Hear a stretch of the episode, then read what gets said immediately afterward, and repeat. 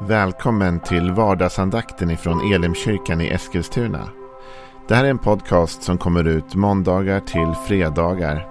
Om du vill veta mer om vilka vi är, vad vi tror på, hur du kan komma i kontakt med oss eller vad vi kan erbjuda dig för någonting så gå in på www.elimkyrkan.com. Du får jättegärna gå in och likea vår Facebook-sida. Det är facebook.com elimeskilstuna. Eller så söker du upp oss på YouTube och då söker du på Elimkyrkan Eskilstuna. Vi vill jättegärna komma i kontakt med dig. Men nu lyssnar vi till dagens andakt. Välkommen till vardagsandakten.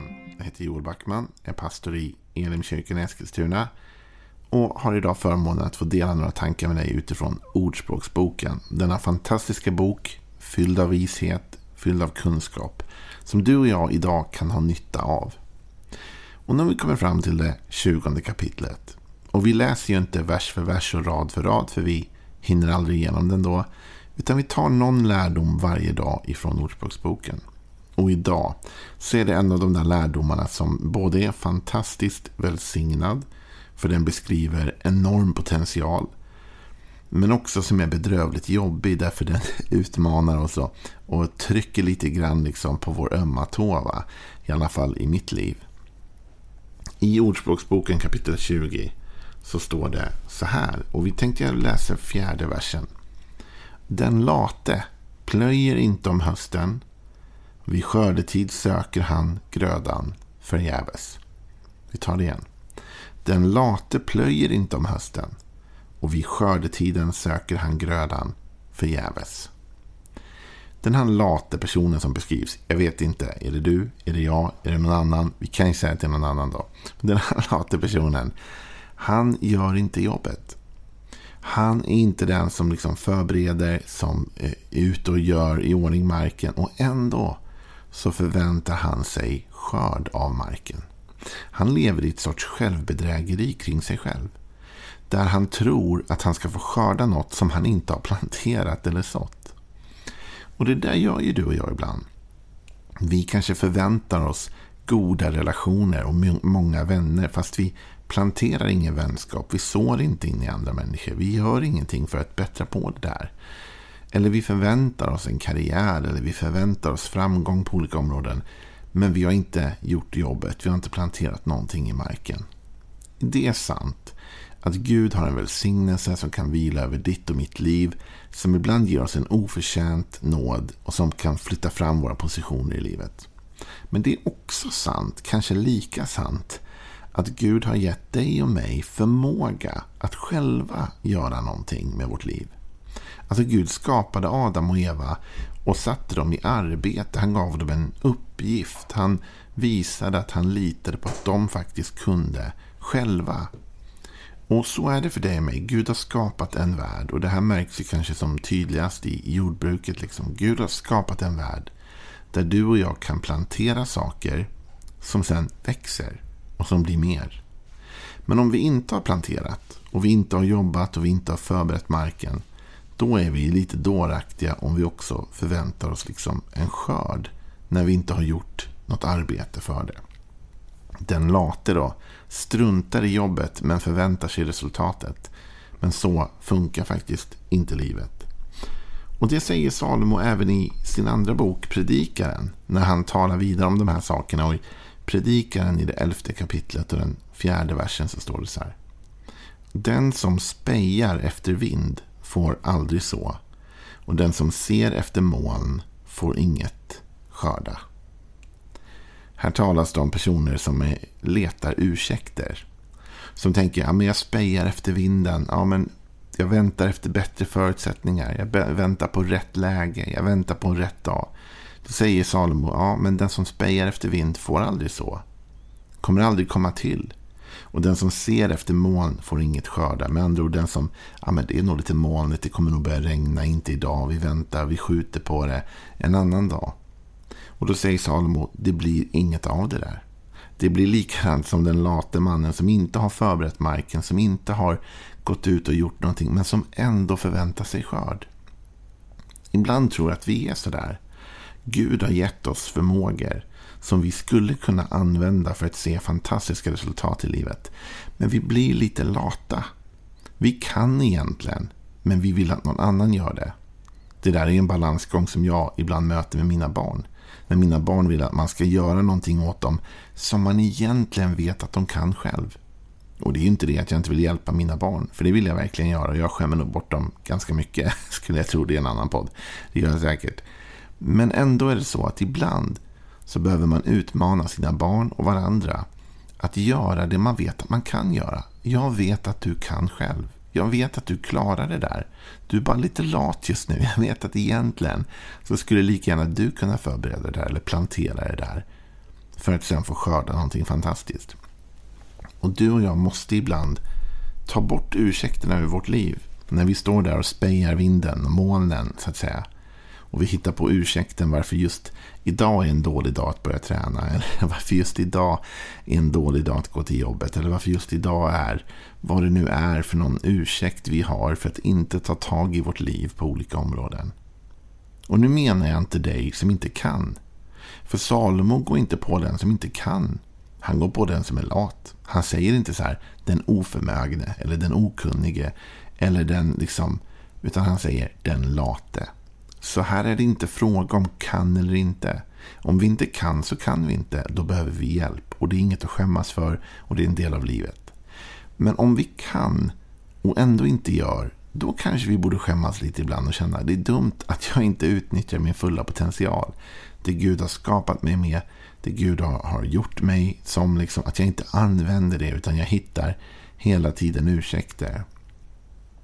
Och vad det gäller det som har med Gud att göra så får vi dessutom hjälp i den processen. Därför det finns ju en, en ond kraft, en djävul som inte vill att du och jag ska göra någonting för Gud. Som inte vill att vi ska sprida evangelium eller hans rike vidare. Och därför så kommer ju också djävulen ständigt till oss med ursäkter. Det finns alltid så många moln och det finns alltid så mycket vind. Och det finns alltid så mycket saker som hindrar oss från att göra det Gud vill att vi ska göra. Men här utmanas vi att inte vara lata, att inte vara månspejare, utan att faktiskt plantera, vattna i rätt tid för att sen kunna skörda i rätt tid. Och det är inte Guds fel om vi inte får skörden när Gud har gett oss möjligheten att så och vi också förmågan att göra det. Det finns ju ett bibelord i Gamla Testamentet som är intressant där Gud säger det är jag som ger, glöm inte bort att det är jag som har gett er kraft att förvärva rikedom. Så Gud sa inte till israeliterna att han gav dem bara rikedom, han gav dem kraft att förvärva rikedom. Det är femte Mosebok 8. Och då ser du att Gud ger förmågan. Gud ger dig och mig möjlighet. Och jag har sagt det här på podden förut och jag säger det igen. Ibland när jag har bett Gud om hjälp kanske ekonomisk hjälp eller hjälp på andra områden så har Gud gett mig en möjlighet. Gud har gett mig ett jobb att göra. Gud har gett mig någonting. Han har inte bara alltid regnat ner grejerna utan han har sagt Joel, det här vet jag att du kan för jag har skapat dig. Jag vet att du är förmögen att göra detta. Jag vet att du har möjlighet att göra detta. Jag ger dig resurserna att göra detta. Men få ända nu vagnen och gör det. Joel, gör det nu. Det jag har gett dig möjlighet och kraft och styrka att faktiskt klara av. I Galaterbrevet så talar även Paulus om sådd och skörd. Och om detta självbedrägeri vi ibland ägnar oss åt. Han säger så här i Galaterbrevet 6 och vers 7. Bedra inte er själva. Gud lurar man inte. Det människan sår ska hon också skörda. Den som sår i sitt kött får av köttet skörda undergång. Men den som sår i anden får av anden skörda evigt liv. Tröttna inte på att göra gott, för när tiden är inne får vi skörda om vi inte ger upp. Så låt oss därför göra gott mot alla medan vi har tillfälle och särskilt mot dem som tillhör trons familj. Här talar ju Paulus om andlig sådd och skörd, att så i sitt kött eller investera i sin ande. Men han säger ändå en sanning som gäller all form av sådd och skörd. Bedra inte dig. Det du sår är också det du kommer få skörda. Det du investerar i är också det du kommer se i ditt liv. Om du investerar i dina vänner, om du investerar i relationer, om du investerar i olika saker så kommer du också få skörda ett resultat av det.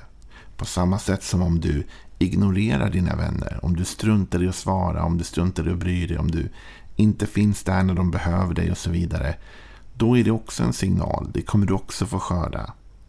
Men här säger Paulus, bedra inte er själva. Lev inte i självbedrägeri. Var med andra ord inte som den där lata personen som inte jobbar med marken, inte tar tag i någonting och sen ändå förväntar sig skörd. Och kanske till och med blir sur om man inte får skörd.